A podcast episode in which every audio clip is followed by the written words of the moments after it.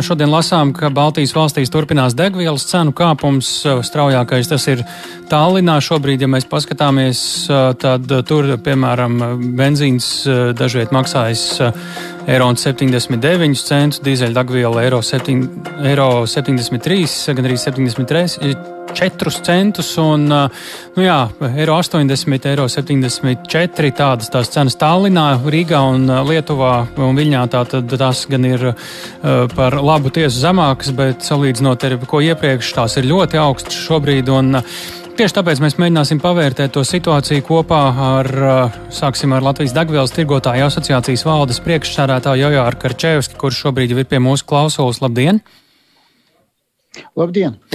Nu, kā jūs rezumētu, kas tad šobrīd notiek Latvijas un pasaules naftas uh, produktu un līdz ar to arī mūsu pašu degvielas uh, cenu uh, tirgu? Kas tas ir? Mm, mm, tātad notiek ļoti, ļoti strauji kāpums biržā, un līdz ar to šīs biržas cenas atainojas visā pasaulē, ataino, atainojas pie mums.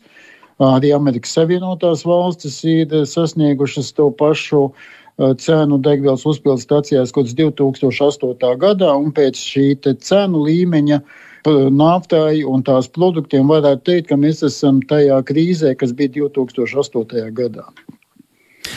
Kas ir tie galvenie cēloņi? Mēs, protams, varam pateikt vienkārši karš Ukrainā, uh, bet uh, kā tas, no kā tas sastāv? Cēloņi ir, cēloņi ir divi. Cēloņi ir divi. Pirmkārt, jebkura kāda darbība, vai tā ir Afganistāna 79. gadā, vai pirmais līča karš, vai otrais, vienmēr ir strauji uh, naftas na, un naftas produktu cenu kāpums. Jebkurā gadījumā. Viņš var ilgt īsāku brīdi, var ilgt gadiem, bet viņš ir. Tas ir pirmais. Bet pats galvenais, kas uh, cenas ceļ, ceļ šai, šajās nebijušais augstumos, ir tas, ka visu laiku gaidām šo aizliegumu iepirkt naftu no Krievijas. To gaida visa pasaule, jo kā nekā Krievija ir otrais lielākais naftas ražotājs pasaulē ar 10% apjomu, un skaidrs, ka šīs loģistikas ķēdes, kuras ir izveidojušās gadu gadiem, viņas tiks pārautas. Un jautājums ir tikai, kurā brīdī un kad un kādā veidā. Līdz ar to mūsu vietējie uzņēmumi, ražo, kas pārstrādā naftu, ir, ir pārorientējās un divas nedēļas jau iepērk naftu no citiem virzieniem, bet vienalga šis eh, iztrūkums, ko radīs Krievijas izslēgšana no naftas eh, ieguves aprites, tas, protams, ietekmē visu pasauli. Un tāpēc šis nav konkrēti lokāls Eiropas jautājums, bet tas ir visas pasaules naftas ieguves jautājums. Vai ir kas tāds, ir kas, kas Latviju ietekmētu tiešāk, ņemot vērā, ka mēs uh, tomēr esam galvenokārt tieši Krievijas naftas produktu patērētāji, kā tā, tie pārstrādātāji, kas Latvijai piegādā arī pārsvarā Krievijā iepirkuši naftu, vai šeit nu, mēs neesam vēl daudz sliktākā situācijā kā visa pasaule, vai arī tas pasaules tirgus tomēr ir tik cieši saistīts, ka turpat, kur visi mēs arī būsim? Lielajā tātad biežas cenās esam turpat, kur visi, bet, bet jāmin tas, ka visa Austrum Eiropa, kura uh, Slovākija, Čehija, Polija, uh, visas šīs valstis ir uh, saistītas ar uh, Ungāriju, Austriju.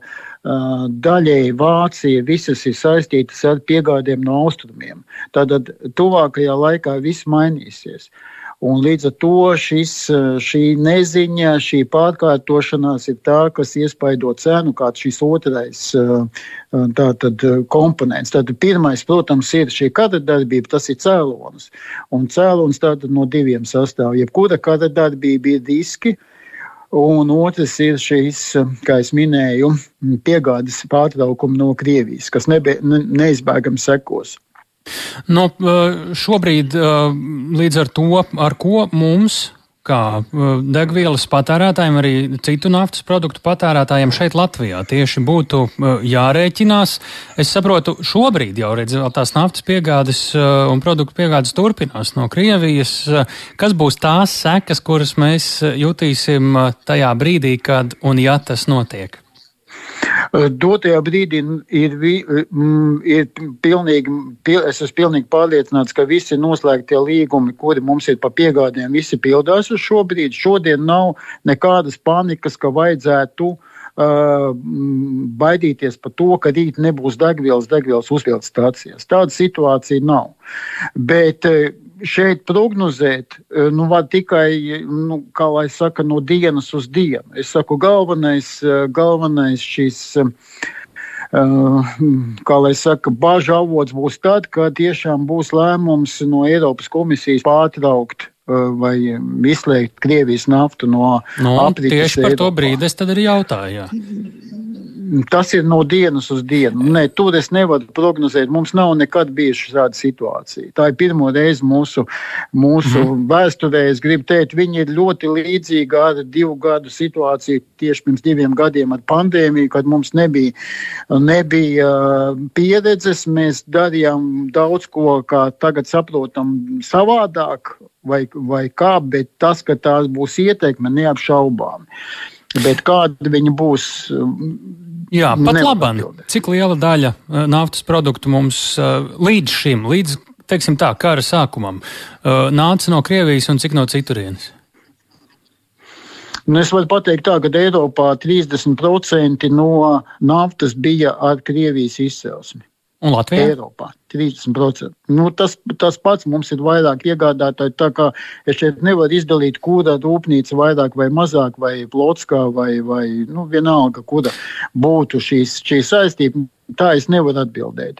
Es varu atbildēt tikai to, ka tagad ir, ir notiek vēl straujāka šī pārorientācija. Zinu, ir noslēgta līgumi ar apvienotie Arābu Emirātu piegādātājiem tankuģi jau ir grafikos un, un, un kustās. Tā kā tas nebūtu jautājums. Bet tā labā ziņa ir, ka ir alternatīvas, tās darbojas, un tirgus par to domā. Jā. Nu, šeit mēs tā teikt nepaliksim. Jautājums ir par cenu, nevis par uh, apgādi. Ja?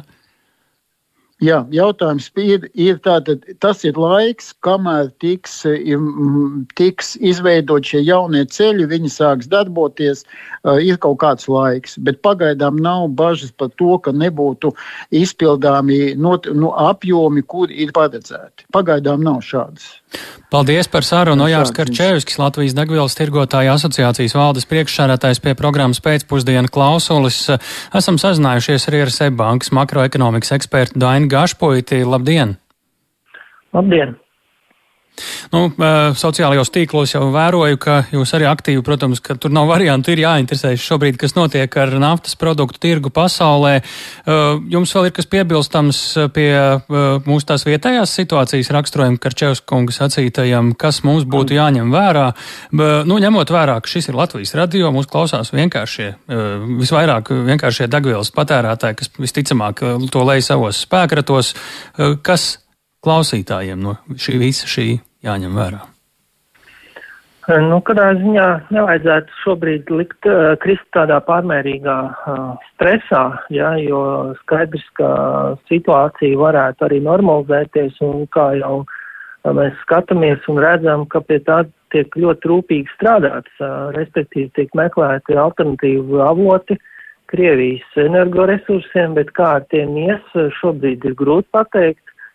Uh, cik, cik daudz no tā visa, um, uh, cik tā itosies aizstāt, un mēs redzam arī, ka šobrīd arī vēl ar sankcijām, nu, nekas īsti vēl, teiksim, netiek pasākts.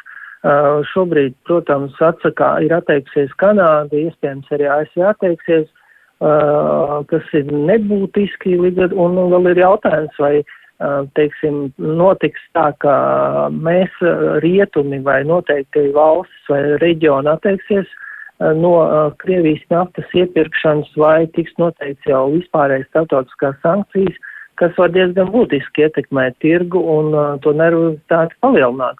Bet es domāju, ka šobrīd arī tiek ļoti rūpīgi izsvērts, lai nu, tas kāpums un stress nebūtu pārmērīgs, jo ir skaidrs, ka tas ļoti būtiski sabramzētu ekonomisko izaugsmu ne tikai Latvijā, bet arī visur pasaulē. Kas šobrīd ir tās sarunas, kurām jūs arī sekojat līdzi, no kurām šobrīd daudz kas varētu būt atkarīgs? Uz ko šobrīd ir vērsta pasaules ekonomistu uzmanība?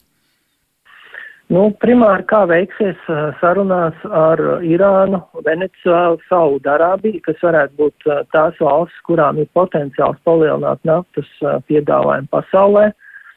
Nu, un, protams, arī jāskatās, kā vei, teiksim, nu, kādi risinājumi tiks atrasti, lai, teiksim, pārslēgtos uz tiem avotiem, tie tam, teiksim, iespējamām rezervēm, kas ir pašā Eiropā, jā, jo te arī uh, ir dažādi veidi, kā var izmantot daudzas lietas efektīvāk starp dažādiem energoavotiem, lai, teiksim tā, padarītu šo te ietekmi mazāku, šo negatīvo ietekmi mazāku. Līdz ar to ir skaidrs, ka tam tiek sekots ļoti rūpīgi līdzi. Un uh, visticamāk, to mēs uh, redzēsim, uh, teiksim, kādus rezultātus, es domāju, ne, kādā mēne, mēneša laikā, ja ne ātrāk. Kā jūs raksturotu to, cik nopietna situācija ekonomiski, ņemot vērā, ka mums jau tā nav viegli klājies Covid dēļ, nu, citur arī pasaulē. Tā, izskatās, ka, nu, klausoties Karčevs kungas sacīto, ka tas tā tā naftas vada aizgriešana no Krievijas uz ārpasauli varētu būt pietiekami iespējama. Kādas sekas šeit pat mums uz vietas eh, tas nozīmētu? Eh, nu, es domāju, ka tas ir, protams, ietekmēt visu pasauli, bet ir skaidrs, ka tad mums būtu jārēķinās ar vēl augstākām enerģijas izmaksām. Uh, tas nozīmē augstāku kopumā teiksim, inflāciju, tas pārslēgtos arī caur citiem produktiem pakalpojumiem.